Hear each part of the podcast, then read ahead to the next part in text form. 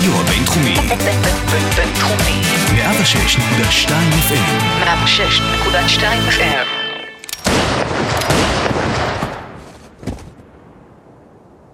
At some point in the near future, Mr. Churchill will want to speak to you in person, Mr. Shelby.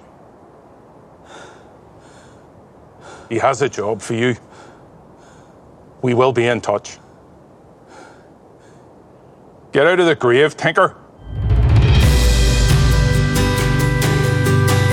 סיפורה של סדרה. עדי ליברמן מביאה עובדות מעניינות על הסדרות האהובות. שלום לכולם וברוכים הבאים לסיפורה של סדרה. אני עדי ליברמן, כאן ברדיו הבינתחומי. אז בכל פרק אנחנו נתמקד בסדרה אחת ונחשוף עובדות על השחקנים וההפקה שכנראה לא ידעתם קודם והם בהחלט שווים האזנה. אז הפרק נתמקד בסדרה פיקי בליינדרס, שהפכה את הבריטי לסקסי, נחשק ורלוונטי.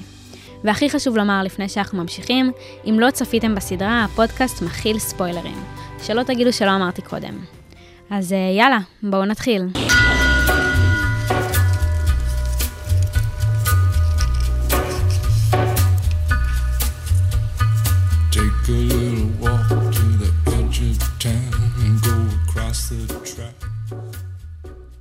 סטיבן נייט הוא תסריטאי ובמאי קולנוע שהתחיל את הקריירה שלו כשיצר את הפורמט השעשועון מי רוצה להיות מיליונר, שגם הפכה אותו לאחד כזה. אבל הוא לא שכח לרגע את הרקע ממנו הוא בא. הוא בן זקונים למשפחה בעלת שבעה אחים. אבא שלו היה נפח והגיע משושלת ארוכה של צוענים שתמיד עבדו יחד עם סוסים. הוא היה לוקח אותו למגרשי גרוטאות ולשווקי סוסים. נייט מספר שכשהוא התרועע עם הצוענים, הוא פגש אנשים שונים מהטיפוסים הרגילים שסביבנו, וכך הוא נחשף בעצם לעולם קצת אחר. מה שיכול להראות לנו את קווי הדמיון בין ילדותו של נייט לבין הסדרה פיקי בליינדרס שיצר. אז סדרת הדרמה הבריטית מתארת את קורותיה של כנופיית פיקי בליינדרס בשכונת סמול הית' בברמינגהם של תחילת המאה הקודמת. העונה הראשונה שודרה ב-2013 ועסקה באנגליה של אחרי מלחמת העולם הראשונה. אז חזרו החיילים שבורים לחלוטין משדה הקרב, ועסקי העולם התחתון החלו לפרוח. אגב, למי שלא ידע, באמת הייתה כנופיה בשם פיקי בליינדרס שפעלה בברמינגהם בערך בשנת 1890, וגם היא הטילה אימה על תושבי העיר. לא משהו שמתקרב למה שהכנופיה עשתה בסדרה. הפשעים של הפיקי בליינדרס האמיתיים הסתכמו בגניבת אופניים ופריצות לחנויות. במהלך כתיבת הסדרה, נייט נפגש עם חיילים בריטים ששבו מהחזית, כדי שיוכל לכתוב באופן מדויק את הדמויות שחזרו מהתופת של מלחמת העולם הראשונה. ברמינגהם היא העיר השנייה בגודלה באנגליה, אבל מי מגיע לשם סתם ככה? ההיסטריה סביב פיקי בליינדרס העלתה בעשרות אחוזים את התיירות לברמינגהם מאז 2013. כולם רצו לחוש משהו מהרחובות בהם הסתובבה הכנופיה האמיתית והאהובה. בשל ההיבט ההיסטורי הזה נולדו להם אין ספור סיורים מאורגנים בעיר. אפילו קבוצות הכדורגל המקומיות מצולמות ב outfit של הסדרה, וזה רק קצה הקרחון. אבל האמת היא שהסדרה צולמה ברובה בכלל בליברפול, שהייתה הרבה יותר דומה לברנינגהם של המאה ה-19. גם שם, אם תהיתם, חוגגים את העניין ומפיקים לא מעט מזומנים מתיירות המעריצים. You can tell your family. Let me guess. Don't fuck with the peaky blinders. בסדרה, חברי הכנופיה נהגו להחביא במצחיית כובע הברט שחבשו סכיני גילוח. איתם היו מעוורים את עיני אויביהם, ומכאן גם שמם. פיקי זה מוחבא, הסכין שמוחבא בכובע, ו Blinders זה מעוורים. ואיך אפשר שלא לזרוק מילה על התספורת? מעבר לבחירת הלבוש המצוינת, הסטייליסטים ניסו להעביר את האווירה הנכונה דרך המסך. הם ישבו עם ספרים שתיעדו את התקופה ההיא ואת התספורות שהיו אז במודה, והתחילו לחשוב על תרגום ראוי לטלוויזיה. וכך היא נוצרה, תספורת ה Peaky. כן, יש לזה כבר שם. כל הראש מגולח ורק הקודקוד מסודר בבלורית.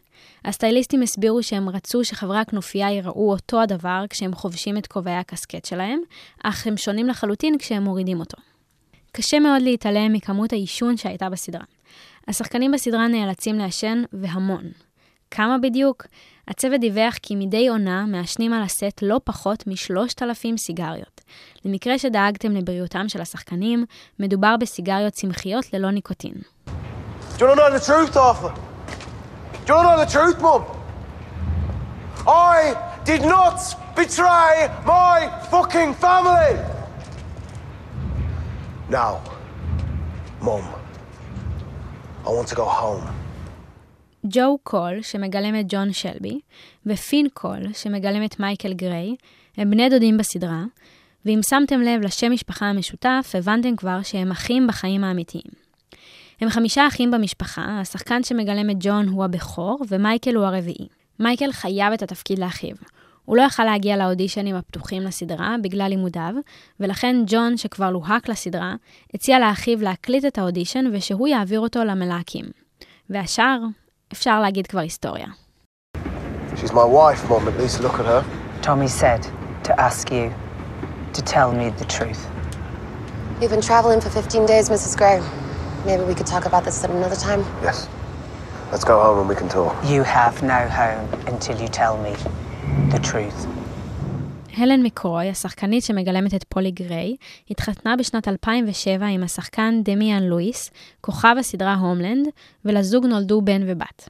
כדי להתאמן על המבטא, הלן סיפרה כי היא צפתה באין ספור סרטונים, רעיונות וקטעים של עוזי אוסבורנד, אחד מהאנשים המפורסמים ביותר שיצאו מברניגם. באפריל האחרון היא נפטרה בביתה בלונדון ממחלת הסרטן בגיל 52. היא השתתפה גם בצילומי העונה השישית שצפויה להיות משודרת ב-2022. Happy or sad? Sad. Okay. But I warn you, I'll break your heart. Already broken. In a neat little town they call Belfast, apprentice to trade I was bound. אנבל פרנסס ווילס, השחקנית שמגלמת את דמותה של גרייס, הייתה במערכת יחסים ב-2015 עד 2017 עם הזמר הבריטי קריס מרטין, הסולן והפסנתרן בלהקת קולדפליי. היא אפילו ביצעה קולות רקע בשיר Up and Up. מאז 2018 ועד היום, ווילס נמצאת בזוגיות עם השחקן האמריקאי קריס פיין, זה ששיחק לצד גל גדות בוונדר וומן. In exchange for a share. He told me there were things in that treasury, right? God himself, he spoke to me and he said, Alfie, you were meant to have these things. You crossed the line, Alfie. You fucking You crossed the line. The line. They're using my boy!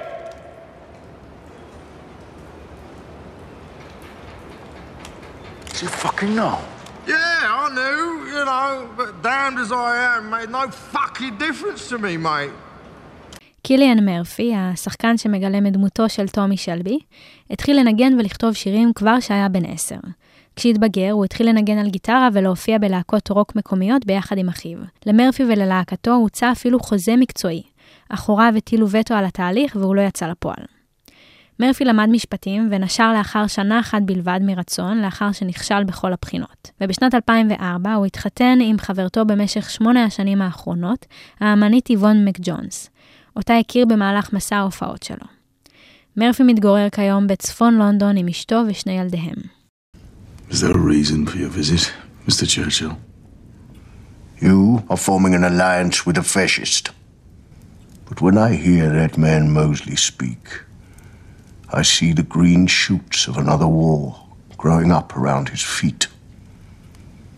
And you see exactly the same thing I do. That's why you oppose him. Yeah. Your mystery solved. העונה החמישית עוסקת בתחילת שנות ה-30, שנות השפל הכלכלי הגדול. הדמויות נמצאות בסביבה בה הן צריכות להתעמת עם עליית הפשיזם. ביניהם דמותו של אוסוולד מוסלי, שמנסה לחבור יחד עם טומי להקמת תנועה פוליטית חדשה שתיקרא איגוד הפשיזם הבריטי. קו עלילה זה מבוסס על המציאות. ב-1932 נוסדה מפלגה פוליטית בבריטניה על ידי אוסלוד מוסלי, חבר במפלגה השמרנית הבריטית בפרלמנט של בריטניה, יחד עם שר בממשלת בריטניה. זו הייתה מפלגת ימין קיצוני שדגלה בפשיזם ולאומנות. היא פעלה עד להוצאתה מהחוק ב-1940. במהלך שנות הפעילות של מוסלי, קיבל שבחים מהיטלר על נאומיו האנטישמיים שעלו בקנה אחד עם האידיאולוגיה הנאצית. בדומה להפקות רבות בקולנוע ובטלוויזיה, העונה השישית נעצרה באמצע הצילומים בעקבות התפרצות נגיף הקורונה. העונה השישית של פיקי בליינדרס הייתה אמורה לעלות כבר על המסך ב-2021, ולחתום את הסדרה כולה. עבור מעריצים רבים השמחה הייתה מהולה בעצב, בכל זאת, סופה של תקופה. המעריצים חדי הזיכרון נזכרו כי בעבר הוכרז שהעונה השישית ממש לא תהיה האחרונה. ב-2019, כמה חודשים לפני עליית העונה החמישית למסך, ועוד לפני שהקורונה השתלטה לחלוטין על חיינו, נייט בעצמו סיפר כי הוא היה מעוניין לסיים את הסדרה עם סצנה מסוימת, ולדבריו, היה מדובר בסצנה שיידרשו שלוש עונות נוספות על מנת להגיע אליה. באחד מהראיונות הוא סיפר כי השאיפה שלו היא להפוך את זה לסיפור על משפחה בין שתי מלחמות. תמיד הוא רצה לסיים ככה את הסדרה, עם סירנת הפשיטה האווירית הראשונה בבירמינגהם ב-1939.